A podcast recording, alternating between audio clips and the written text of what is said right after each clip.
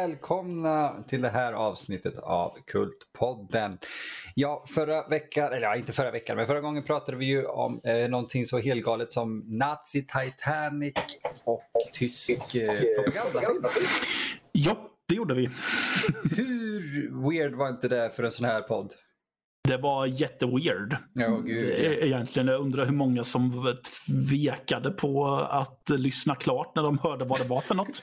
Ja, låt oss säga utan att vi har kunnat titta på några siffror än att, att eh, det är förmodligen to- eh, lägsta, rate, inte ratade, men lägst lyssnade kanske det här året. Ja, säkerligen. Säkerligen. Eh, Eh, Matte, Mm. Ja, så heter jag. du, ja exakt. Jag heter Emil. Det där, har vi, där har vi Mattias. Ni ser honom inte. Jag ser hans vackra face. Eh, vi ska prata om eh, tre filmer eh, som har, täcker ett tema som du tyckte vi skulle täcka, Matte. Ja, jag tyckte att vi kunde prata om seriemördare. Jajamän. Eh, och vi valde ju att inte gå så superobskyrt heller. För vi, det, det finns jävligt mycket seriemördarfilmer och vi hade kunnat prata om allt från deranged till eh, damer. Åh herregud, Mm. var det verkligen bara... Okej, okay, Derange är jävligt bra men... Ja, det tycker jag. eh, ja, men de här är så mainstream på sätt och vis att vi kommer snacka Michael Rooker och Elijah Wood också. Mhm, precis. Galet! Det är galet. Men ska vi börja kanske ta vår avstamp i året 1986? Det tycker jag låter förträffligt. Mattias, du är den av oss som kan det här bäst. Vad är Henry, en massmördare för något? Henry en massmördare är en film som handlar om eh, Henry som är lite av en eh, han är väl lite av en nomad kan man säga. Han har egentligen inte ett riktigt hem. Nej. Eh, har han inte. Han bor för tillfället hos en eh, snubbe som han träffade på kåken som heter Otis. Spelar Och, Tom Towles? Spelar av Tom Towles, ja. Towles. Eh, ja. Som ni känner igen ifrån eh, Rob Zombies filmer. Eh, I alla fall House och Devils. Eh, Han var även med i Stuart Gordon-filmerna Fortress och The Pit and the Pendulum. Hej! Cool, Ja. visste jag inte. Nej. Ja. Men det är ju något lite speciellt med Henry. Han är ju en seriemördare. Mm. Eh, Så i öppningen får vi ju se när han eh, väldigt lågmält köp, eh, har ätit mat och pratar trevligt med folk och sen så klipper de till platser där det ligger lik Ja. och antyder starkt att det är han som har gjort det. Mm, vi kan ju också säga då att Mm. Henry är ju baserad på Henry Lee Lucas om jag inte missminner mig. Ja, Ja, och Otis är det Redding som är hans namn. Ot- Otis Redding. Det- Det är, ju, det är ju en artist. Äh, han har bara seriemördare säkert. Jag, jag, har, jag har druckit två lättöl Matte. Jag är helt off my rails här. Eh, Ja, du, jag hör det. Ja. Eh, men okej, inte Otis Redding. Men vi följer alltså två stycken eh, då baser, eller två seriemördare baserade på två verkliga. Så det hela blir lite, lite väl, eh, det kommer lite nära verkligheten ibland. Så just kropparna där är ju en sån grej. Ja, precis. Och ehm, eh, Henry introducerar, v- längre fram så introducerar han Otis just för att mörda folk. Oh. Eh, gör han även. Inte så... Ja. Det, det, det, är också lite underligt varför han gör det egentligen. Hobbys. Ja, ja, precis. Det här är den hobbyn jag har. Ehm, eh, nej, men det, det kommer sig så för att de eh, plockar upp två stycken prostituerade och så eh, dödar Henry sin prostituerade i baksätet på Otis bil. Otis eh, vet inte riktigt vad han ska göra men han håller ändå fast den prostituerade han har eh, lekt runt med och så vrider Henry nacken av henne. Och sen så introducerar han för det. Men jag tror att Otis C upptäcker tjusningen i, med, i och med att han tycker att det är en sån härlig rush att döda folk. Um, och Han blir längre fram faktiskt obehagligare än Henry. Oh. För Henry känns ändå som att han det känns hela tiden som att han dödar inte folk för att han njuter av det eller något sånt utan för att han har intalat sig själv att han måste göra det. Han har ett behov. Uh, liksom. Ja, precis. Och han, uh, Otis har en syster som jag hälsar på och hon fattar tycke för Henry. Men Henry vill inte att hon ska vara nära honom. Vilket enligt mig är för att han, att han på riktigt tycker om systern och vet att nej, men är du för närgången så lever inte du längre för jag klarar inte av när folk kommer för nära mig. Mm. Mm. Precis som jag, men jag... Ja. men du, du håller impulserna i ett koppel. jag gillar att du påpekar att jag, eller påpekar, inseminerar att jag har impulserna. Jag säger inte att jag inte har dem. Nej, precis. Mm. Se, impulskontroll. Uh, ja. ja, men det är premissen egentligen. Ja. Och vad, vad sker i den här filmen? Varför är den här så ökänd? Den är ju så ökänd för att jag, jag skulle nästan säga att den är väl ökänd just för att den inte har så mycket mer handling än bara det här. den, den gör bara ett porträtt av en seriemördare och vi får följa en seriemördare i dens eh, inom stora kaninöron vardag. Mm. Eh, egentligen. Och eh, just att du väldigt naket och eh, väldigt intimt kom, eh, får ta del av mord mm. i filmen. Förutom, sen så finns det ju ett, undan, ett undantagsmord i det. Uh, för... Undantagsmord var fan ett nytt ord som justitiedepartementet inte har tagit ja, ställning till. Uh, ja, för alltså filmen är ju inte gjord för underhållning egentligen. Den är ju gjord för att den ska vara svår att se på och att det ska väcka någon slags avsmak i, hos tittaren. Och att man ska må dåligt. Men det finns ett mord som sker på en, med en snubbe som säljer eh, elektronikgrejer svart. Oh, ja. Ja, han får bland annat en tv över huvudet och eh, lite så. Det är väl det närmsta det kommer till att här har vi ett underhållningsmord. Ja, ja men ja. fan alltså jag blir obekväm under det. Ja, det, det är obekvämt men sen blir det, för jag på min DVD så finns det en intervju med John McNaughton som har eh, regisserat filmen. Mm. Och han nämner elektronikmordet och en senare scen som är typ en av de obehagligaste i, i filmhistorien. Mm. För de får ju tag i en filmkamera oh, sen. Yeah. Och de har en scen då de eh, massakrerar en familj på ett väldigt obehagligt vis. Mm. Ja, och när vi har fått se inspelningen så, pano så panorerar kameran ut ifrån tvn och så ser vi att Otis och Henry sitter och tittar på den. Och sen så bestämmer sig Otis för att spola tillbaka för han vill se den igen. Um, det här, enligt John McNaughton var det här hans ett sätt för honom att försöka kritisera grejen med uh, videovåld och underhållningsvåld. Fungerar det? Uh, genom att mena på att ja, men förut så satt ni förmodligen och uh, underhölls av just det spektakulära mordet jag hade. Men är ni då så mycket bättre än de här snubbarna som sitter och ser ett våldsdåd ske på tvn? Nu har ju de förvisso gjort det dådet själva, Precis. men äh, ändå. Och jag känner det också att ja, alltså även om man ser fiktiva mord så i i min verklighet så är det ju fiktiva mord men i filmens verklighet så sker ju morden på riktigt när jag tittar på skräckfilm. Mm. Så han eh, gör ett litet inlägg i debatten där som jag tycker är intressant. Mm. Och jag tror väl att det är därför filmen är som den är. Att den gör aldrig, den anstränger sig väldigt sällan för att den ska vara underhållande att titta på. Mm. Just för att han, jag är säker på att han vill ha sagt att våld är inte underhållning.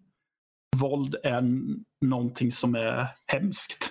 Det var bra summering av en sensmoral som den här filmen har.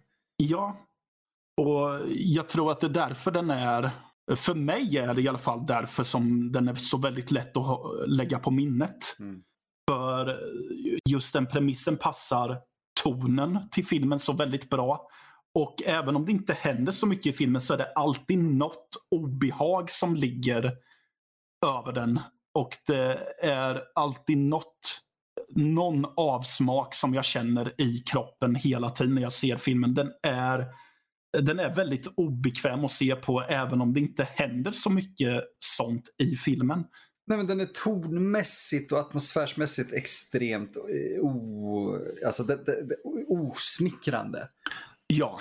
Så jävla rå och, och, och visar bara deras vardag och gör ingenting mer med det. Nej, och jag tror att det är därför filmen, ärligt talat, i alla fall på DVDn jag har, varför den ser ganska ful ut. Mm. Oh ja. För den, den, bilden ser väldigt billig ut. Nästan som att det är filmat med video snarare än film. Ja, jag tror det är typ skitig 16 mm i, i 4.3. Om jag inte är helt off. Ja, men eh, jag stör mig inte på det utan det blir ju, det är ju det som hjälper till med den här olustighetsfeelingen hela tiden. Mm. Och sen är den ju välspelad också. Åh oh, gud, helt eh, sjukt. Ja. Eh, det är ju stört att det här, det här är ju Michael Rookers första film någonsin. What? Ja, jag visste inte att det var det. Jag är ganska säker på att det är det. Och eh, det är också lite roligt hur han vart eh, castad. Mm -hmm. Nu måste jag hoppa in på hans IMDB lite fort bara för att se så att jag inte har ljugit. Uh, jo, han hade varit med i ett pilotavsnitt till en uh, serie som heter Crime Story samma år. Se vad han ljuger. Usch. Ja, men, men vi säger... Men... Det är debutfilmen. Det är debutfilmen och han, gör, han landar en huvudroll. Och det var inte nödvändigtvis på grund av hans eh, skådespelartalang som John McNaughton ville ha honom. Mm -hmm. Utan när han kom in och skulle göra sin audition så hade han på sig samma bruna jacka som Henry har på sig i filmen. Mm. Och eh, John McNaughton sa att ja, men, Michael Rooker såg ut precis så som jag hade föreställt mig Henry. Så han hade jobbet innan han ens hade visat att han kunde skådespela. Ja, det, ja okej. Okay. Mm. Ja. Han passar in i rollen jävligt bra så. Ja, det gör han. Och ja, det, det, jag tror att det är en bra film att landa som sin debutfilm för att liksom skjutsas in i jag vet inte hur mycket film man fick göra precis efter och hur välkänd han har varit sen dess. Uh, för jag menar nu i modern tid har han ju fått göra både Walking Dead och uh, Guardians of the Galaxy. Mm.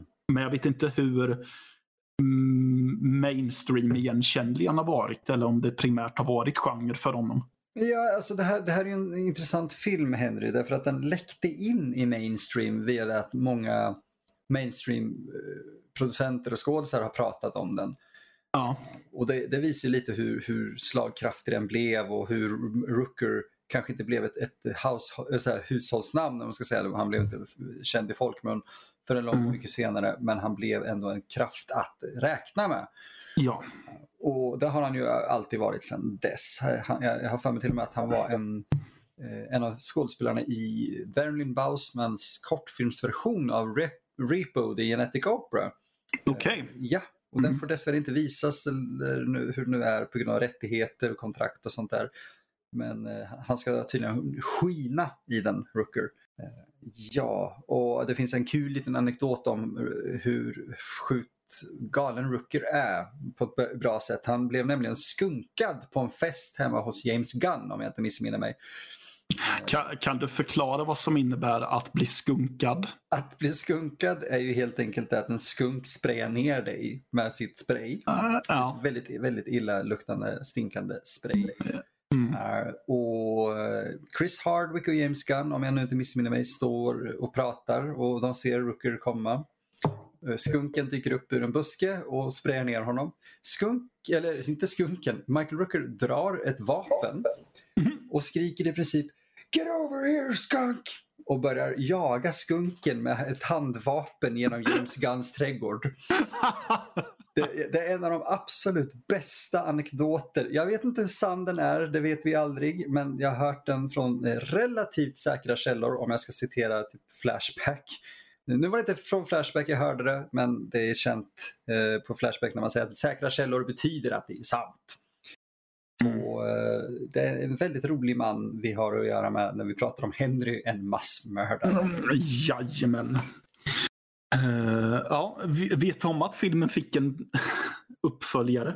Jajamän. Ja. Jag har inte sett den. Jag känner inte nej. något behov av det. Uh, det. det. var först nu som jag uh, insåg att det faktiskt finns en uppföljare som kom tio år efter. Oj, så. Gjord av Chuck Parello, eller Parejo, eller hur han vill uttala det. Ja, han har gjort i alla fall en intressant film. Okej. Okay. Vilket är In the light of the moon tror jag den heter. Jo, men den har jag nog hört talas om. Ja, en, eh, ja, jag tror det är förutom Deranged en av de eh, bättre Ed Gein-filmerna. Mm. Ja, för det, Deranged tycker jag jättemycket om. Ja, den är fruktansvärt bra. Ja, eh, lite, han är uncredited i den, men lite tidig Tom Savini specialeffekter i Deranged också. Ooh. Och han kommer vi återkomma till. Jajamän, tveklöst. Ja. Eh, någonting som jag också tror att vi kommer att återkomma till det är ju soundtrack. Ja, oh, gud ja. Jag, är, jag gillar soundtracket i Henry jättemycket. Mm. Det, det känns väldigt enkelt men det är effektivt. Mm. Ja, de har verkligen spelat hårt på det. Ja, precis. Ja, eh, Ja, vi har ju två filmer till Matte. Så... Eh, vi har ju två filmer till så det, vi kanske ska lämna Henry. Eh, men, men, så länge. Inte utan en, en, en liten både alkohol och filmrekommendation. Ja, ja, ja, ja, har man inte sett Henry Portrait of a Serial Killer förut så tycker jag definitivt att man ska göra det. Mm. Uh, men man ska vara beredd på att det är inte en, det är ju inte en lättsam film att sitta och titta på. Ja, det är ju inte din vanliga slasher. Nej, det är precis. Det är ingen pizza och bärsfilm. Den som pizzar och bärsar till det här behöver psykvård akut. Ja, jag precis. har terapeut och grejer så jag får säga så. Ja, dock, så, och det här vet jag att jag faktiskt tänkte på att jag har ingen aning om vad man lämpligast dricker till Henry. Nej. Man sitter mest och bara har hakan ner i golvet. Ja. Obekväma Precis, det skulle väl vara om man har någonting att rensa munnen med efteråt. Äh, Matte, dra åt helvete, man tar rödtjut. det är lika obehagligt att dricka som det är att se den här filmen. Fast jag gillar ju rödtjut. Alltså jag med. Ja. Men när man har druckit för mycket av det så blir det ju jävligt jobbigt. Ja, jo. Och det är inte så den här filmen känns. Ja, så okej okay, fine. Rö rödvin till Henry, det passar ju. Det är ju en blodig film också. Så. Nice. Ett beskt jävla rödvin. Det ska inte vara gott att dricka. Nej, precis. Och torrt ska det vara med. Torrt så in i helvete. Sandpapper. Ja, det ska vara så att all saliv i munnen typ bara försvinner när man dricker det. Det är exakt så man ska känna sig när man tittar på Henry, en massmördare. Ja, jag tycker det. Jajamän. Så tveklös ja. rekommendation. Ja, jag försökte rekommendera, för när vi gick filmlinjen så hade vi vissa dagar då vi såg filmer tillsammans. Mm. Jag försökte få igenom att vi skulle titta på den här. Åh helvete. Alltså. Och, det, alltså. och det var sjukt nära att det vart så. Alltså, det, jag, jag, skulle, jag hade backat det till 100% men vi hade ju haft folk i den klassen som hade blivit så jävla upprörda över det. Ja, det, det hade vi haft. Yeah. Så, så här i efterhand känner jag att det var nog för det bättre att vi inte Kontroversen i mig säger ju att nej, vi borde ha sett den för att man lär sig mycket av den. Men ja, ja jag förstår väl. Det är inte, det är inte gemene mans mainstream-rulle om man vill se en thriller. Nej, precis. Men det är inte heller en billig skräckfilm. Ja, den är ju de facto billigt gjord. Men den är ju inte en känslomässigt billig film. Precis. Uh, intressant nog, uh, John McNaughton fick ju vara med i den här Masters of Horror. Oh. Men jag, jag, tittade ju i, för han gjorde ju Hakel's Tale. Ja, som en jättemärklig men ändå fascinerande uh, film eller avsnitt. Men förutom de två verkar han inte ha gjort mycket skräck alls.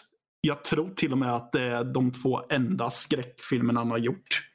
Ja, alltså Mickey Garris är lite weird när det kommer till det här med, med, vem som är en master of horror. För har du gjort en skräckfilm någon gång som knappt var en skräckfilm så är, räknas du enligt honom verkar det som.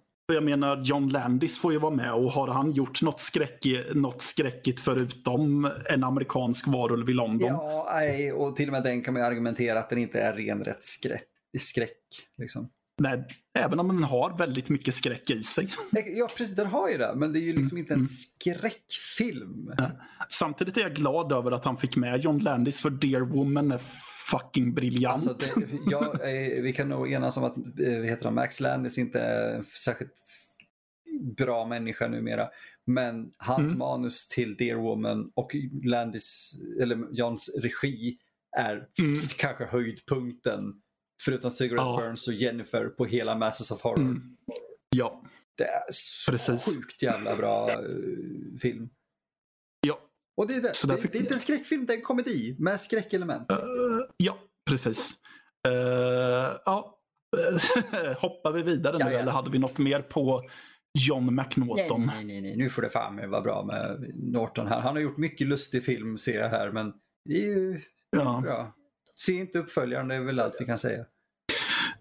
Eh, och det säger vi även om vi inte har sett den någon av oss. Ja, nej men gör bara inte det. det, det fan, det finns filmer som man inte behöver så här, jag ser nu bland More Like This på eh, uh, IMDBs sida för Henry 2 som också heter Henry 2, eller Henry 2 Portrait of a Serial Killer så rekommenderas Toxic Avenger och re eh, remaken av Rabid. Så jag känner inte att den filmen uh, riktigt klassar in på att vara en bra skräckfilm sådär riktigt va? Ja, alltså det är två bra filmer men um, helt annorlunda än Henry. Ja, och jag tror eh, att, att göra en uppföljare till en film som Henry besegrar även poängen med Henry itself. Uh, ja, det gör det. Uh, Definitivt. Men den ska tydligen inte vara vedervärdigt dålig, men vissa saker bör lämnas uh, i frid. Mm. Men på tal om att lämna saker i frid, Mattias vi ska nu lite så här, vi, vi, diskuterade om vi skulle prata om de här filmerna separat eller tillsammans. Och jag tycker vi håller oss till att prata om dem lite tillsammans här nu. Mm -hmm. För nu hoppar vi ju till 1980 kan vi börja med. Ja, och vi ska vara ja, i det ruffiga 80-tals New York. Jajamän. The 42nd Street faktiskt var en horgata rent ut sagt. Eh, definitivt, det är en uh, stark poäng i den här filmen höll jag på att säga. Men det, ja, men det är en plot point i den här filmen. Precis, exakt, det är just det där. Mm. Mm. Grindhouse-teatrarna var, eh, eller Grindhouse-biograferna, den här jävla svengelskan kommer bli min död. Eh, de var ett faktum och strippor kostade mindre än en varm korv. Och det är ingenting som jag överdriver om, det var så. Mm. Och vi ger oss in i William Lustigs Maniac. Jajamän. Mattias, förklara för mig varför Maniac är en av 80-talets absolut bästa skräckfilmer. Um, Eller thrillers. Det, ja, alltså jag hävdar ju att den, jag kallar det ju för skräckfilm. Det är en skräckfilm, tveklöst. Ja. ja. Uh, ja hmm. det, det är ju för att för mig ligger det mycket i att de blandar splatterfilm med eh, att försöka göra en europeisk konstfilm mitt i allting också. Yeah. och att för att den här började, det här kom ju precis året innan slasherboomen verkligen woho, stack iväg. Uh, och den till skillnad mot många slasherfilmer så får vi här ett porträtt av mördaren. Och det är han som vi i huvudsak följer i, uh, i den här filmen. Uh, precis som i Henry får vi här ett porträtt av en seriemördare. Ja, det... I form, mm, i form av uh, Frank Zito. och så det är just, den, den, har en, den har en så tryckande stämning i sig hela tiden. Det ett, jag pratade om det i Henry också, men här är det än mer. Alltså det är ständigt obehag och man vill egentligen inte spendera tid med den här snubben.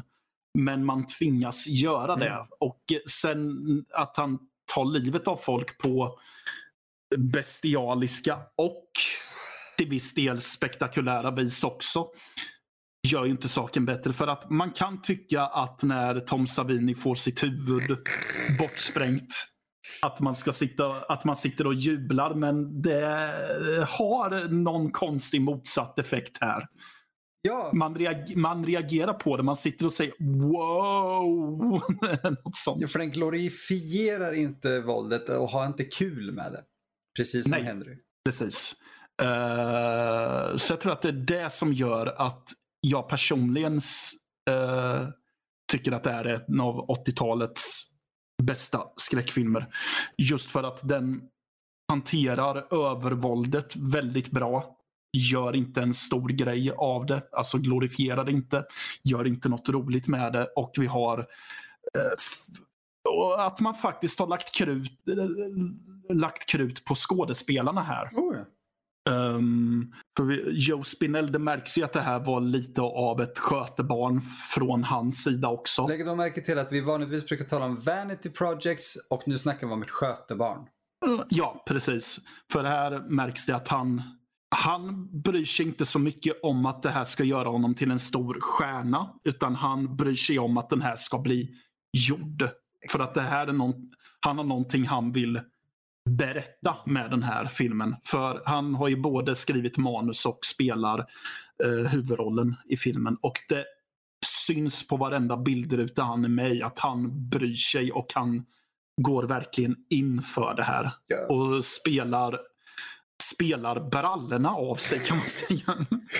Jag ville säga bokstavligt talat och i vissa scener ja. Uh, Ja. Alltså ja, jag får gåshud bara vi pratar om det egentligen. För att det, Maniac är, är en av de här filmerna som folk, självklart den fick en, en kontroversstorm och folk rasade emot den. Ja, av, av flera anledningar. Kvinnohat och allting. Problemet... må- Många slasherfilmer kan anklagas för kvinnohat. Jag, jag, jag, det är inte svart eller vitt. Det är så.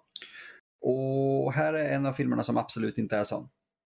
För här eh, fokuserar vi mycket mer på smärtan och behovet som han har efter att behöva göra det han gör och hur lite han vill det ibland. ja precis. Alltså, han, har ett, han har ju varit med om en traumatisk uppväxt. Eh, så med en, eh, en mamma som var minst sagt abusive. Eh, och den stora konsekvensen av det är att han inte har ett hälsosamt förhållande till kvinnor. Oh, det är sån jävla understatement i den här filmen att jag... Ja, men det är så man kan summera det. Han har, han har absolut inte en... Det är inte det att han bara... Han hatar inte kvinnor fast han, en del av honom gör det. Ja, precis. Han har ju inre... Han har en dialog med, eh, med sina båda jag, kan man säga. Den delen av honom som inte vill och den delen av, av honom som tvingar honom till att göra det mer eller mindre. Och det, det är aldrig en Um. sån övertydlig, han sitter och pratar med sig själv på sängen scen, liksom, vad man ska säga. Eh, utan det är just, det pågår i huvudet. Vi ser det som ett porträtt, vi ser det utifrån och det pågår här i huvudet. Ja, precis. Eh, Det ibland så kan han sitta och prata för sig själv och ibland hör vi det bara som en inre mm, monolog lite. Mm. Och det är inte att han förställer rösten och är olika personer. Utan det är eh, alltid samma röst som säger men jag sa åt dig att du inte skulle gå ut idag. Du ser vad som händer när du går ut. Precis. Jag vill inte. Ja. det, det, är- det är så jävla bra poäng Matte. Det, där, det är skitbra, jag har inte tänkt på det. Eh, att han behåller rösten och att de inte du vet så här, "Åh, mörda kvinnor. Det hade blivit så jävla B. Eh, det hade blivit Exorcisten som jag älskar. Eh, men att han gör eh, det här, att han pratar med sig själv i samma röst, gör allting så jävla mycket mer obehagligt. Ja, Precis. Um, ja, vi har inte pratat så mycket om handlingen i filmen för det har väl framgått att Frank Zito dödar. Ja. um, men ja, han, Men, uh, han, han har en rampage där han, eller vad man säger, han, han, han mördar Mm. uh, kvinnor i huvudsak. Uh, sen så stöter han på en tjej som väcker något helt annat hos honom. Han blir uh, förälskad Mm. i henne uh, och blir mer intresserad av att faktiskt försöka ha ett uh, förhållande med henne. Ja, och man kan inte Mm. anklaga henne- honom för det för att eh, hon spelas nämligen av den fantastiska Carolyn Monroe. Yes. En, en, eh, en vixen från 80-talet och en fantastisk skådespelerska. Och jag tycker det är väldigt intressant att de har parat ihop eh, eh, Joe Spinell som i ärlighetens namn inte är den snyggaste eller mest attraktiva mannen i världen. No. Snarare ganska svettig och kladdig. Jämfört med då Carolyn Monroe som eh, jag anses då vara extremt vacker.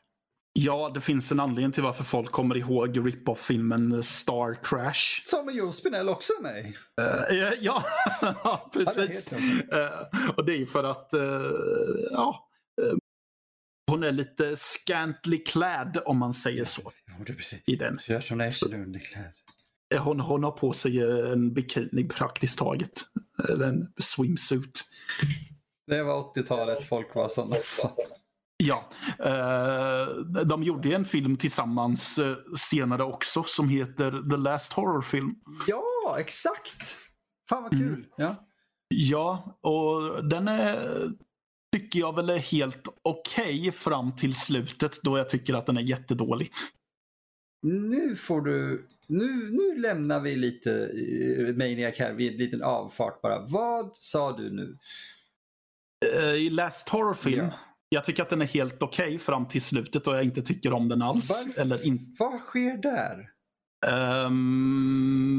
Ehm, någon twist som ska, för, som ska eh, dra mattan under fötterna Ah. på tittaren. Vänta. Att, Ja.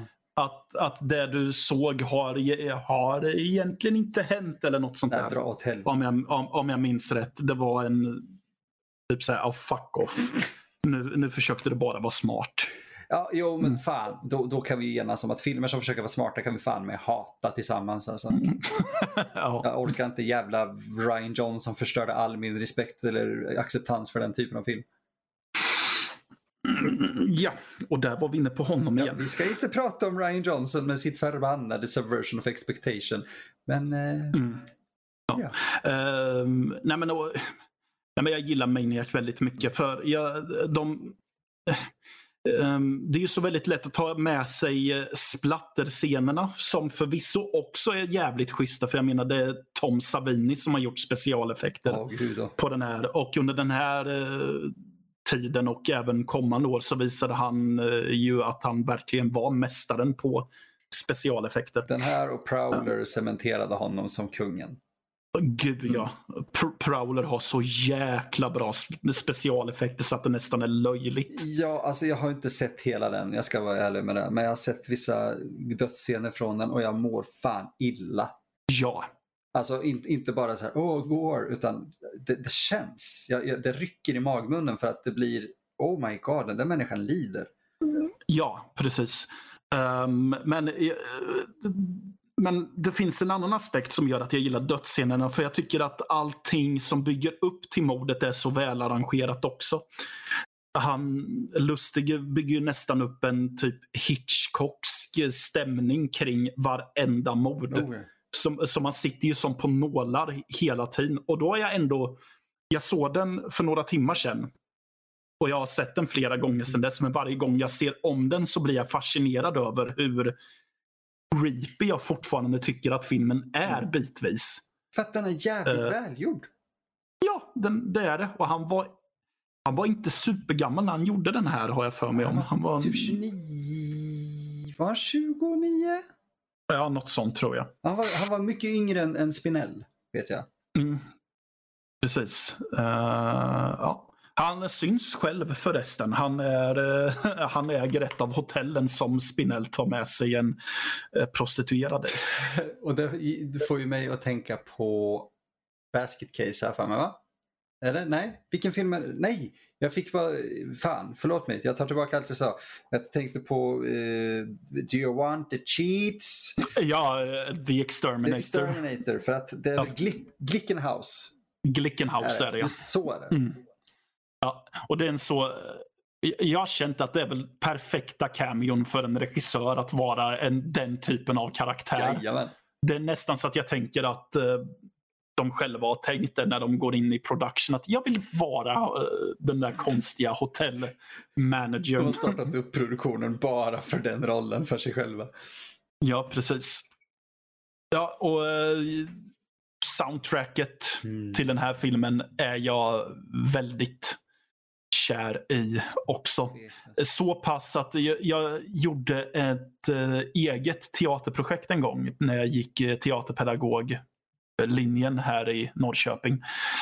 Um, där, äh, där det var icke-verbalt och det var väldigt musikbaserat. Första, lå, första låten när föreställningen började på riktigt var huvudtemat i från Lustigs Maniac. Helvete vad bra. Vad kul att du ja. har gjort det, för jag under den föreställningen använde ju Cannibal Holocaust-temat. Ja, ja men precis. Ja. Uh, och han som har gjort soundtracket heter Jay Chataway. Oh, okay. Och han har även varit kompositör till uh, Star Trek Voyager, Star Trek Deep Space Nine, Enterprise, Next Generation. Mina världar kolliderar så hårt nu. Vänta. Va? Ja, han har varit kompositör på Star Trek. Ah! Och även några National Geographic Specials också. Vad fan gör han? Ja, ja, varför inte? Ja. Och Maniac var det han började med. Skojar du? Det är ju typ ett det är sjukt bra soundtrack. Ja. Ja, ja. Och eh, Ja, och sen så körde han vidare åt Lustig med uh, Vigilante som jag också tycker om. Också jag sen så, Ja, precis. Och så har han gjort lite um, vad, Invasion USA. ja. Maniac, Ma Maniac Cop gjorde han musiken till. Red Scorpion. Eh, så han har ju gjort diverse genre-grejer också. Mm. Men eh, sen så fick han göra större grejer som då eh, Star Trek tydligen. Ja, vad fan, alltså det är ju bra musik i dem så jag, jag tänker inte klaga. Nej, och jag har ingen anledning till att klaga för jag vet inte hur det låter. Det låter bra. För jag har typ inte sett uh, uh, så mycket Star Trek. Mm. Mm. Ja, vi, har ju, vi, vi, säger inte att vi ska, men vi har ju diskuterat att prata Star Trek många gånger. Ja, det har vi gjort, men det har inte blivit så. Vi, får se, vi får se vad som händer. Men det gäller att hitta ja. rätt tid och energi, för helvete vad mycket det är. Ja. Har vi något mer vi vill säga om 80-tals Maniac? Jag, jag tror vi har hundra saker att säga, men alltså, ja. jag skrev en, en kalenderlucka om den för två år sedan tror jag. Eh, om ni vill titta och läsa mer om det men nej, jag tycker vi rör oss vidare. Okej, nu delar du faktiskt upp dem. Ja, det gjorde vi. Då kan vi väl lika gärna löpa linan ut. Jajamän. ja, men eh, ni har väl ändå hört att det här är en det här är en rekommendation om ni någonsin har hört en rekommendation. Aj, aj, aj, aj, aj. Ja. Särskilt om man köper eh, dubbeldiskutgåvorna eller någonting som finns av den för då får man med The Joe Spinell Story också. Som pratar ja. om, om Spinells karriär. Vi får veta och lära oss väldigt mycket om honom som människa. Exempelvis att han var den näst mest betalade skådespelaren på Gudfadern. Wow. Ja, för att han var under statistkontrakt och han var on set varje dag i princip. Så det var han och Marlon Brando som då självklart, Brando hade ju ett annat kontrakt. Ja, jo förvisso. Men på grund av hur eh, mycket man som statist kunde tjäna på den tiden per dag så blev Spinell den mest, näst mest betalade på Gudfadern-inspelningen enligt eh, ryktet. Då. Ja, eh, vi glömde ju nämna det att Spinell var ju med på ganska eh, eh på några större filmer. Gudfadern, också för, Rocky. Liksom. Ja, precis. Eh, Rocky 2 var han också med i, ser jag här. Mm. Ja, och sen så Det, det, det tragiska Ja. grejen med, med någon som Spinell är att när eh, han stöttade väldigt mycket folk. Han festade med Steven Spielberg när Spielberg förlorade bästa regissör eh, för Jaws. Mm. Och det är så jävla roligt. Eh, för att han sitter och försvarar Spielberg i en soffa eh, tillsammans med en väldigt oskäggig och ung Steven Spielberg. Det, alltså fan, det är en intressant människa. Så se definitivt Maniac och The Joe Spinell Story. Det tycker jag. Ehm, Öl. ja.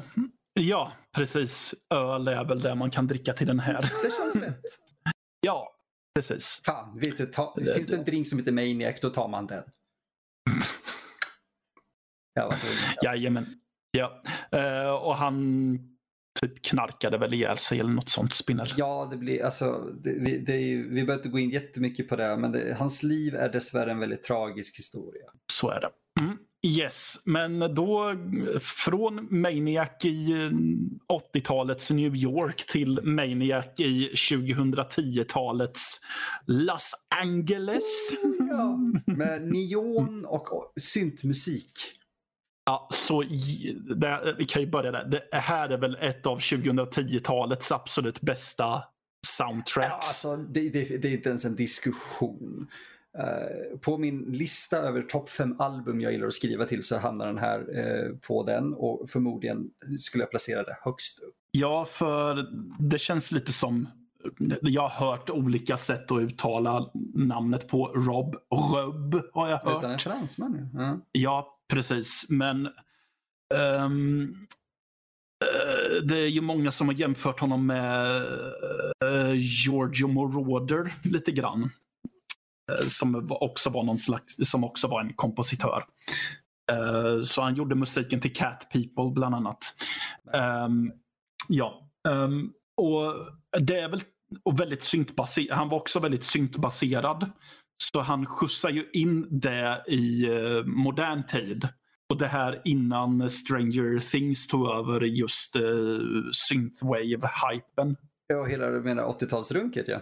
Ja, precis. För det, det är mycket mer än bara synt-arpeggion. Det, är, eh, det, det bygger stämning och annat trevligt här också. Ja, alltså lagren som han jobbar med i, i musiken här får det att, att rysa på armarna på mig. Eh, Ja, Det är så jävla mycket som Verkligen. berättas med musiken. Ja, det finns ju ett spår som eh, jag vet heter Hunted eller något sånt där. Ja. Mm, mm, mm. Ja, på riktigt, jag, jag känner på en gång, jag, det här, jag får ett, tryck, ett bra tryck över bröstet för att jag, jag blir så oh, jag blir så nervös av det. det för att det, det, Ja. det, lyssna på soundtracket. Ser ni inte filmen så lyssna på soundtracket. Vad, vad handlar den här filmen om då? Ja, det, jag tycker väl att den handlar om ganska exakt samma grej. Kan man tro lite grann. Ehm, Mm. Därför att vi har ju självklart eh, delar av originalet som har influerat den här. Det är ju tveklöst. Men det här är, Ja. det här är en sån där remake som gör nästan allt ta mig fan rätt. Ja, jag tycker det. Ja, den berättar liksom en liknande historia men på ett eget vis. eh, Med en annan eh, typ av huvudkaraktär kan man säga.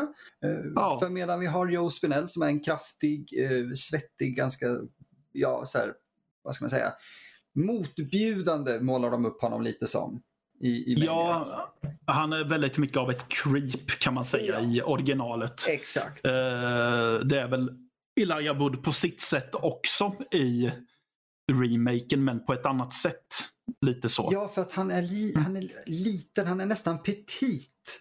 Ja. Mm. Och, och man tänker inte på honom som det här. eh, För som sagt, ja, som Matte sa, det är Elijah Wood. Det är alltså självaste Mm. Frodo här som springer runt och kapar vad heter det? Skalpar. skalpar av folk. Ehm, och han ska, precis som då Spinell hjälper Carolyn Monroe med sina fotograferingar och utställningar och sådär lite grann i en subplot kan man säga i originalet. Så ska eh, Elijah Wood här, Frank Sito, hjälpa eh, en, en ung kvinna med en utställning. Ja. Som också, hon är också fotograf. Ja, precis. Ja, men det är ju Carolyn Monroe också. Ja, i- precis. i originalet där. Men de har, gjort, de har ju tagit allting och liksom tweakat det lite grann. Och eh, Ja. det, det är så jävla obehagligt. Det är jävligt obehagligt för eh, det är ju som du säger att vissa scener ser man ju att det här är taget från originalet. Mm. Ish. Det är hela tiden originalet Ish. ish. Eh, som det, det, är en, eh, det, det är en som man stryper efter att han har raggat på den Yeah. i bägge filmerna. Det är en eh, som man har bundit fast i en säng innan han dödar henne. Eh, efter att ha pratat Ja, gud. Ja. med henne typ. Och, ja, och det, där har de, i den scenen har de även en replik. Ja, vilken tänker du på? eh, Och, eh, som är i originalet också. Och det är I'm not gonna kill you, I'm gonna keep you. Just det. Eh, I'm just gonna keep you.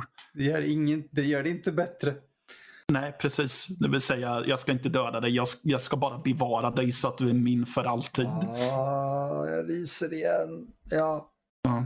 För eh, i originalet så säger ju Frank Zito till Anna, Mm. som karaktären heter, att eh, hon inte ska sälja sina fotografier utan han tycker att hon ska behålla dem för då är eh, objekten du har foto- fotograferat dina för evigt. Mm. Exakt. Du äger den varianten av människan. Men det är det som är så sjukt, för båda Rain- Maniac-filmerna är just det, det är det som gör dem lite speciella. De är poetiska. Ja. På ett sätt som jag tror folk underskattar dem att vara. Den här filmen har ju dock en liten twist, eller en gimmick kan man kalla det för. Det är ju att, och det är också, jag var skeptisk till det första gången jag såg filmen, men jag fattar det konstnärliga valet med det nu när jag såg om filmen. Och det är att vi ser allting från Frank Zitos ögon. Eller från Frank, jag vet inte om de säger att han heter Zito. Nej, jag bara sa det för att jag antar att det är samma. Ja, jag antar det också. Men vi ser ju allt ifrån hans ögon. Så allting ska vara point of view of Frank. Ja, Helt enkelt. jag tror de flyttar det här tänket med att vi ser allting ur Franks perspektiv, eller i hans huvud från originalet, till att vi faktiskt befinner oss i hans skalle. Ja, precis. Eh, För att vi, för att vad de förkorvar sig i mycket mer här, det är ju just det mentala hos Frank. Vi får se lite mer glimtar ifrån eh, barndomen och vi får se lite varför han helt plötsligt blir knäpp. För att han får som migrän och eh, verkar vara väldigt eh, övertygad om att folk är ute efter honom ibland. Precis. Eh, Så det finns ju en scen när han sitter och käkar middag tidigt i filmen där när han ser sig omkring i matsalen så sitter alla och tittar på honom Mm. utan någon direkt anledning. Ja, det, det är ett så snyggt sätt också just uh, visa den här alla ser mig, alla tittar på mig. uh, Paranoian som man kan ha. Ja, eh, sen finns det ju tillfällen då de bryter eh, den här Första persons perspektiv. eh, första persons perspektivet och det är oftast i eh, vissa av morden. Ja. Det är väl främst vid två tillfällen tror jag. Och jag tolkar det som att för att han befinner sig i en sån känslomässig storm att det är som att han själv ser sig utifrån. Mm. Ja, för jag har alltid funderat lite på varför de visar det på det här sättet och det är en bra tolkning. Ja, men det är så jag väljer att tolka det nu. Att, det, att eh, upplevelsen är så stark för honom just där och då så att det blir som en out of body experience. Mm, mm. Ja, för att det, här, det är ju verkligen en film som gör sitt yttersta för att du ska kunna, eh, skumt nog, connecta med en seriemördare. Ja, Eh, Och lyckas ganska väl med att känna den människan och inte bara åh, titta vilket kräk. Ja, precis. Alltså, det är ju inte så att man sitter och sympatiserar och hejar på honom Nej. direkt. Men Man förstår Man honom. Ja, du får en förståelse om vart han kommer ifrån på ett annat sätt. Medan i originalet så är han ju mest ett obehagligt monster. Precis, det är, det är lite Medan- tvådimensionellt. Ja, medan här försöker de ju få fram människan Frank Exakt. som råkar vara en seriemördare. Ja, och det är svårt att göra det väl och jag tycker de lyckas ytterst bra med både eh, uppbyggnad av karaktärer, manus, skådespeleri. Till och med regin som Frank Calhoun, eller hur man nu uttalar hans namn, eh, har visat bristande kunskap på i övriga filmer. Jaha, Piranha 3D ser jag. Aj, aj, aj. Ja. Okej. Men manuset kan vi faktiskt säga. Och, och, Ja. och, nej, Mm. Eller, nej, den har jag inte sett. Jag tror, fick för mig om att jag hade sett uh, Amityville The Awakening, men den har jag, nej, jag tror inte, nej. Det är ingen Den har har- sett den. den. Den släpptes faktiskt på, på vad heter de? Google Play Store och eh, bombade rätt hårt. Jag tror den drog in 30 dollar första dagen. Ja, men ah, han har väl blivit handhållen, hoppas jag, en hel del av Alexander Aja. Exakt min eh, Mm. poäng, eller vad jag skulle komma till. Jag tror Mm, definitivt att han har pillat här. Ja, för det, det, jag, jag var ju nästan övertygad om att det var hans film det här. Ja. Ifrån början, att det var han som hade regisserat den, men så att han var ju bara producent. För det är så väldigt mycket som känns honom Mm. i den här filmen. Ja, men jag tror han har producerat och manusförfattat tillsammans med en annan eh, och varit väldigt närvarande.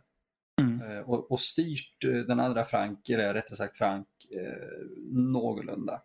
För er, som inte, eller för er som känner till namnet eh, Alexander Aja och tänker hm, jag har hört det någonstans. Jo, han har regisserat eh, Hot Tension, antar jag, Mm. eller High Tension, även känd i Sverige mer som Switchblade Romance.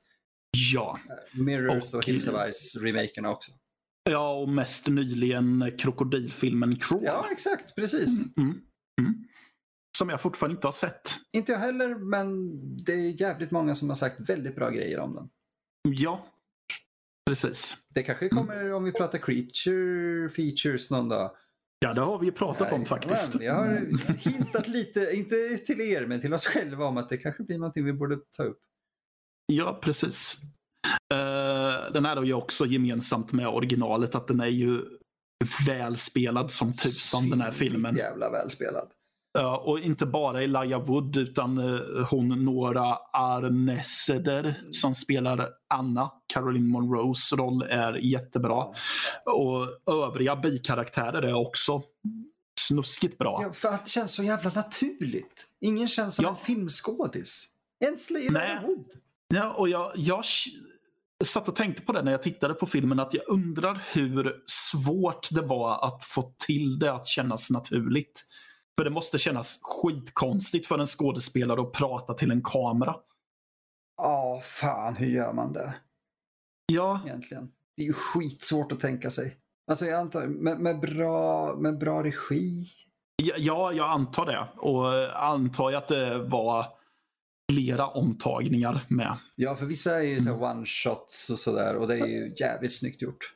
Typ öppning, öppningen bara när han följer eh, henne genom bilen är ju så här briljant jävla tagning. Ja, jag hade nästan velat ha eh, eh, kanske ännu mer one-shots. Ja, ja, det är. Eh, för för det, det är ibland som när vissa dialogscener så klipper de helt plötsligt till en annan bild och jag känner att ja, just det. Och det här ska ju föreställa att vi är i hans huvud. Ja. Ja, det stör mig lite. Ja. Och så är det vid vissa i, eh, det är en jaktsekvens med när han jagar efter en tjej i tunnelbanan där. Jajamän. Så den, den är bra filmad på det stora hela. Men de eh, har gjort valet att zooma in på henne ibland. Så att det är som att bilden är precis bakom ryggen på henne medans eh, Frankie eh, egentligen är flera meter bakom. Mm. Det förstör illusionen av att eh, vara i någons huvud en aning. Ja, jag antar att de har ett tänk om att det ska kännas som att han, han vill vara nära eller hans, hans här besatthet. Men när, när man gör någonting som är så övertydligt från någons ögon så kan du inte bryta de reglerna riktigt. Nej, precis. Lite det de gör.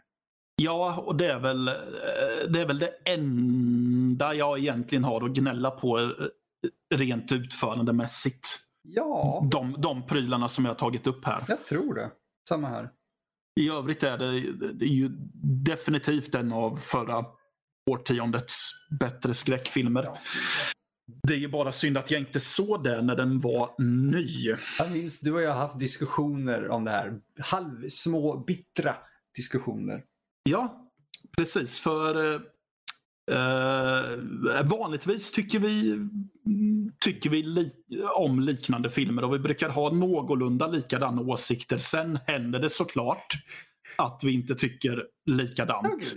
Och vanligtvis är vi lite så här, ja, ja, bygons be bygons och allt det där. Men ibland så, Ibland kan man bara inte... eh, ibland så händer det att den ena av oss inte förstår hur den andra kan tycka. Det- var, helt ärligt, det var så med den här. För att jag såg den innan dig och var så här, det här är så jävla bra. Ja, Och jag, jag, jag, ja, det var så svårt tror jag för oss båda att diskutera det här för att re, ingen av oss är fans av remakes, alltså konceptet remake. Men sen kommer, kommer den här och gör allting så jävla bra. Och då är det så svårt att få någon att säga, okej, se den här. Jag vet att du älskar originalet så enormt mycket, men ta och se den här. Ja, och tyvärr så, jag hade ju nästan, för jag tror att felet jag gjorde 2012 när den här var ny var att jag tänkte att mm, Maniac från 1980 är en av mina absoluta favoritfilmer någonsin. Så jag ska döma den här filmen hårt. Det, to be fair så ja, det är svårt att inte döma en film hårt när det är en remake på ens favoritfilm. Men jag tänker att man får försöka att tona ner dömandet en aning känner jag. Ja, särskilt när det är en film som är en remake av idén, men gör sin egen grej. Ja, eh, det finns ju också en anledning till varför att eh, jag har sett att folk som håller eh, originalet till Suspiria högt är ju de som oftast kritiserar eh, Suspiria-remaken också. Jo, men de som håller originalet högt förstår inte vad remaken försökte göra.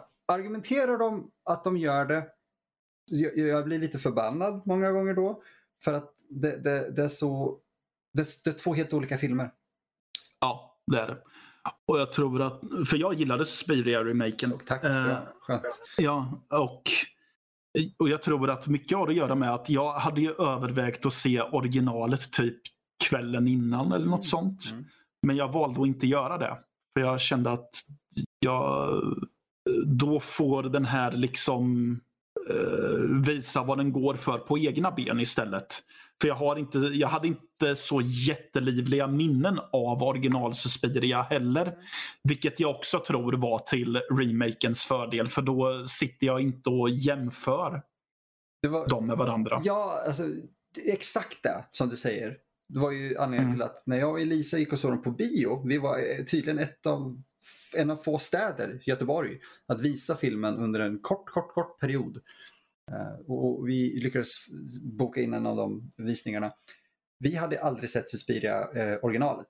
Nej. Och vi gjorde ett väldigt medvetet val att vi gör inte det förrän vi har sett den här filmen på dess egna meriter och ben utan att sitta och jämföra. Ja, Eh, Och det, det som skiljer dem åt väldigt mycket, om man nu ska sätta du vet, hårt mot hårt, är ju eh, den skiljer sig enormt jävla mycket i berättande. ja, Och ärligt talat, remaken, eller rättare sagt originalet, har en kass narrativ struktur. ja. Och det, det är inte det filmen är gjord för. Det är inte det den gör. Nej, original Suspiria är ju, handlar ju väldigt mycket om stilen den är gjord i. Exakt. eh, gör den. Det är mycket mer det än den röda tråden Ja. i filmen. Eh, så. Men eh, ja, nu var det ju inte Suspiria vi skulle prata om. Nej, men det, det var en intressant Men vi kom- remake-grej. Ja, precis. För eh, det jag skulle komma till var att jag hade ju tvärtom tänk när den här filmen kom. Mm. För då tror jag att jag såg originalet strax innan jag och eh, min dåvarande rumskamrat skulle se den tillsammans. Eh, så tror jag att jag såg Lustigs Maniac bara för att. Men, men det är vanligt, man vill ju det. Alltså, Ja, Det är mysigt, man vill hypa upp sig lite på något vis. ja, det var ju inte att hypa upp sig. Jag var ju superskeptisk. Okej, man, man vill, man vill anti-hypa upp sig. Ja, för jag visste ju att den skulle använda sig av eh, den här point of view-gimmicken. Mm. Och eh, jag var ju skeptisk redan när den utannonserades. Dels för att jag vill inte ha en remake på en av mina favoritfilmer. Och jag var ju superskeptisk till att se eh, Elijah Wood som Frank Ja, man också. jag kunde inte tänka mig det. Nej, men det var ju för att jag hade Joe Spinell så fast etsad i huvudet. I huvudet. För att han är, alltså om man ska jämföra karaktärerna så är ju den Frank Sito Frank Sito. Ja, Det är, inte, det är ingen diskussion ens. nej. Precis. Det var därför jag sa förut att jag är lite tveksam till om det här verkligen är Frank Sito. För jag har för mig att de bara säger Frank. Det kanske var ett medvetet val. Ja, jag tror det. Eh, och jag satt och tänkte på det när jag såg originalet för några timmar sedan. Att ja, men de, ja, de, de gör ju, Det är väldigt mycket som är medvetet och det känns väldigt medvetet av dem att de vill inte försöka återuppfinna hjulet. Nej. Och jag, Vill de inte. jag tycker det är, det är just det. De gör en egen grej. När man, kan man inte greppa det så fattar man inte vad som kan vara bra med den filmen som då är en remake. Ja, och jag tycker att det här är helt rätt sätt att göra en remake på. Ja. Att man utforskar någonting som inte originalet utforskade tillräckligt mycket. Exakt. Som vid det här att ja, men vi får se lite av hans barndomstrauma i slutet av eh, filmen. För då får vi höra mammarösten och hur han interagerar lite med den. Mm. så. Eh, och Jag tänker att eh, Alexander Aja tänkte att men jag, vill, jag skulle vilja se lite mer av det. Exakt. Ja. Och sen eh, grejen är den att den har ju också sin eh, den har ju fått sin välsignelse av Lustig också för han, jag för mig att ja, Han han, står med som, han står med som producent här. Samproduktion med Blue Underground som är hans bolag. Ja, och det var det, just det, det var det jag skulle säga förut innan vi gick över. Att om man är sugen på Maniac-originalet så har Blue Underground, som William Lustig äger, eh, nyligen släppt en ganska schysst Blu-ray-utgåva. Jag är så glad att du tog upp den för jag ville göra det också. Den är fantastisk. Ja, jag tror dock inte att man kan få ett sånt här lentikulärt eh, eh, omslag eller vad det heter, du vet, där det känns som att det rör på sig. Ja. Jag hade velat ha eh, lite sidospår här igen. Jag hade så velat ha Blu-ray-versionen av eh, Zombie 2. Ja. Eh, för att de hade ett sånt här lenticular cover med eh, träflisan eller träbiten som åker in i ögat. Åh.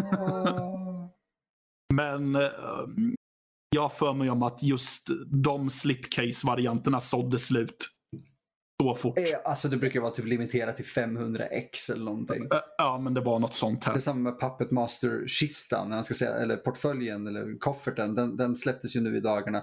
500 stycken. De är, de är slut, tror jag. Ja, och just det, om ni blir bekymrade av, ett, av att kunna spela det i era egna spelare så Blue Underground är regionsfria för det mesta. För det mesta. Eh, eh, för det mesta. Det finns väl undantag ibland men på det stora hela så brukar de vara eh, region 0. För att eh, William Lustig är bäst. Han är en hyvens jävla kille, den mannen. Han verkar väldigt skön. Eller hur? Ja, Matte kontaktade det- honom. ja vi, om vilken film då? Allt. Eh, Allt! Ja. Ja. precis. Vi tittar på alla Maniac Cop-filmer och vi tittar på och så tittar vi på Uncle Sam och sen så eh, intervjuar vi honom. Nej, fan. Jag ångrar mig redan nu. Ja, han är säkert inte omöjlig att få tag på, men det är ingenting vi siktar på den här säsongen. alla fall. Eh, nej, Men det tror jag inte. nej, däremot tycker jag att ni ska sikta på att se eh, re, eh, remaken av Maniac. Om inte ni sett originalet så se den med, men särskilt remaken. Ge den en chans. Ja, ja, precis. Alltså, ni behöver inte ha sett originalet för Åh, att eh, eh, det skulle nog snarare vara till remakens fördel. Tveklöst. Samma med Suspiria. Ja, precis.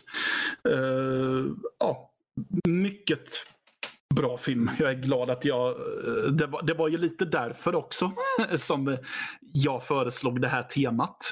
Det var ett bra tema. För att eh, jag sa till Emil att jag behöver ett skäl till att se om Maniac-remaken. Exakt, jag tyckte om den anledningen.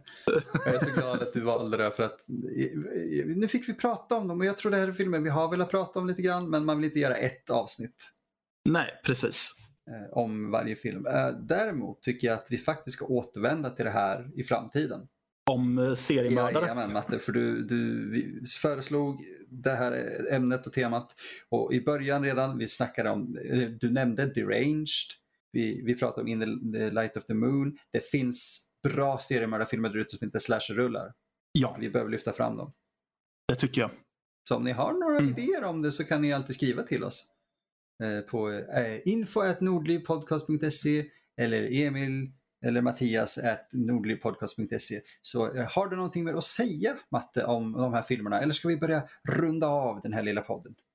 Mm, Ni kanske inte behöver se alla filmerna på en gång och vissa av dem behöver ett speciellt, eller alla tre skulle jag säga, behövs se vid ett tillfälle då det känns som att ja, men nu är det rätt tillfälle. För det är ju inte underhållningsfilmer vill jag säga igen.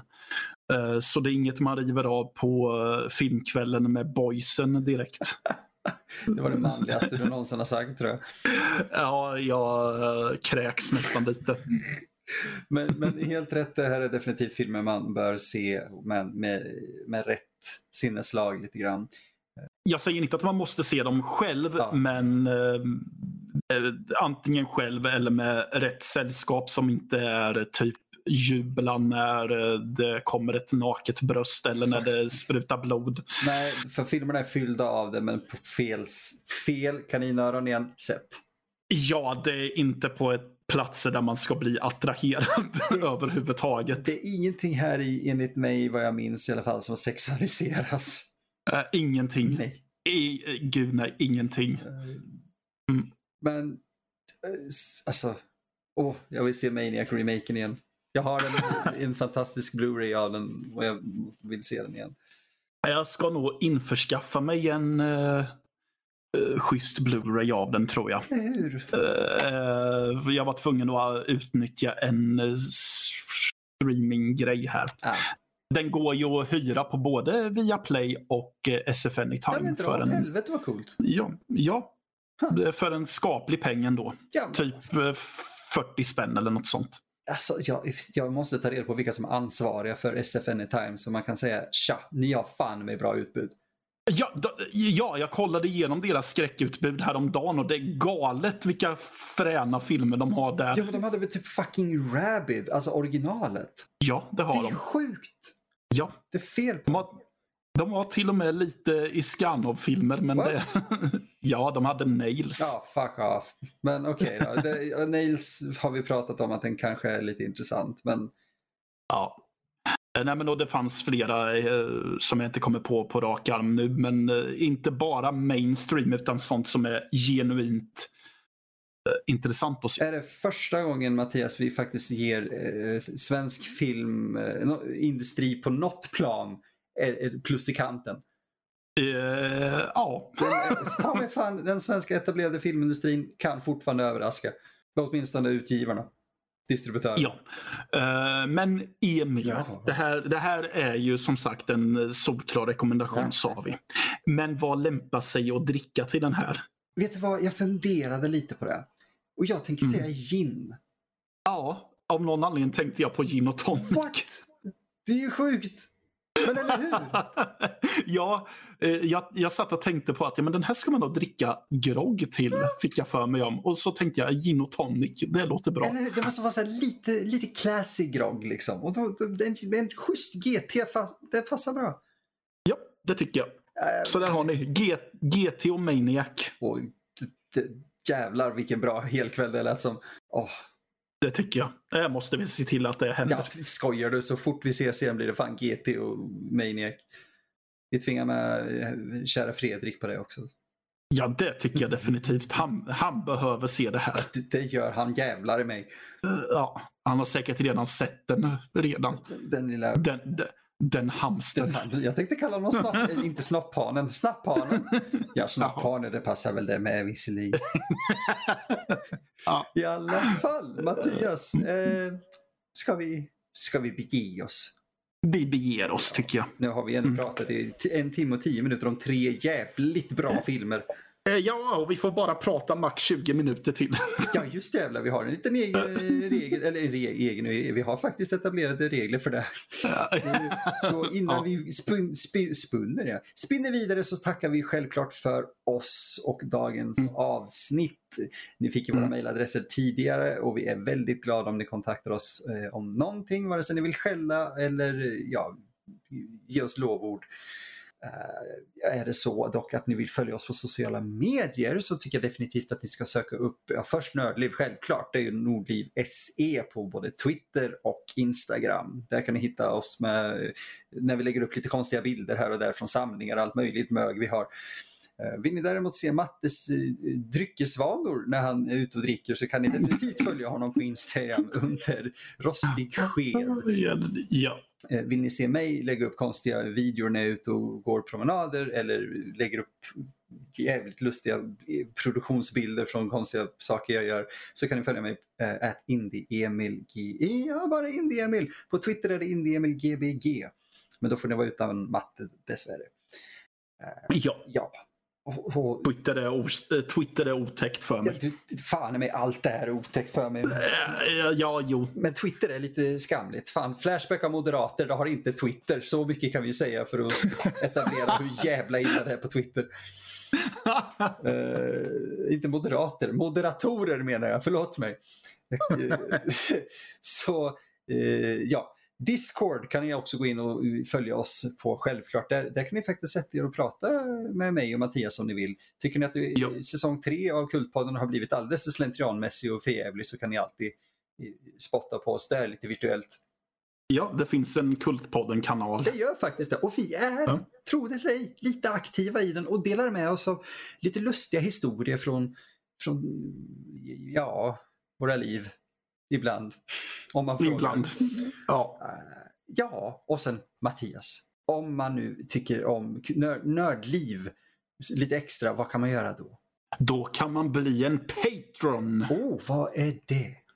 Uh, Patreon.com är ju mm. en sajt där man där kreatörer ofta lägger upp att man vill bli sponsrad. Ja. Så tycker man, är man, tycker man om säger en podd väldigt mycket och den har en Patreon så är det det lämpligaste sättet att visa sin uppskattning genom att stötta ekonomiskt. Exakt. Och Vi har det via Nördliv. Ja. Eh, så tycker ni om oss så skulle vi tycka om er jättemycket också. Om vi tycker om det faktum att ni lyssnar men vi skulle tycka om er extra mycket om ni känner att ni kan tänka er att stötta oss med några slantar i månaden. Mm. Och är det så att, mm. Mm. Ja, jag får, fortsätt. Ja, jag, tar, jag tar över säljsnacket här. Nu ska vi se. Mm. ja, eftersom vi tycker om er extra mycket nu under de här vanliga avsnitten så kan det ju faktiskt vara så att ni kanske tycker om oss lite extra. Och gör ni det så kan ni ju självklart gå in och få mer extra Kultpodden och även lite nördliv på just Patreon. För 50 mm. spänn i månaden, alltså 5 dollar, så kan ni då få exklusiva avsnitt av, inte bara Kultpodden utan annat mög också vi slänger ihop. Eh, men just Kultpodden har ett par specifika spe eh, exklusiva avsnitt som inte kommer släppas någon annanstans. Eh, ja. Där vi pratar exempelvis, vad då Mattias? Vi pratar till exempel Troma-film. Mm. Det har folk saknat faktiskt sedan säsong ett. Ja, och när det kommer till, eh, om jag ska sticka ut hakan lite här nu när vad det gäller exklusiva avsnitt så tänker jag sticka ut hakan lite och säga more to come, gissar jag på. Mm. Gissar du på? Nej, det vi har more to come. Uh, ja, det har vi. Så det lönar sig att vara Patreon om man tycker om Kultpodden. Skamligt nog så måste jag hålla med dig. ja. Det är nog där vi får, ni får mest av mig och Mattias och hans skägg. Mm -hmm. Men ja, vi ska väl ta och bege oss vidare till nya dyg dygder, grönare bygder. Och ja, det här var ett långt avslut. Ja. Så tack så jättemycket för oss och vi hörs om två veckor igen. Och ha det bra tills dess. Ha det bra. Ja. Hej då.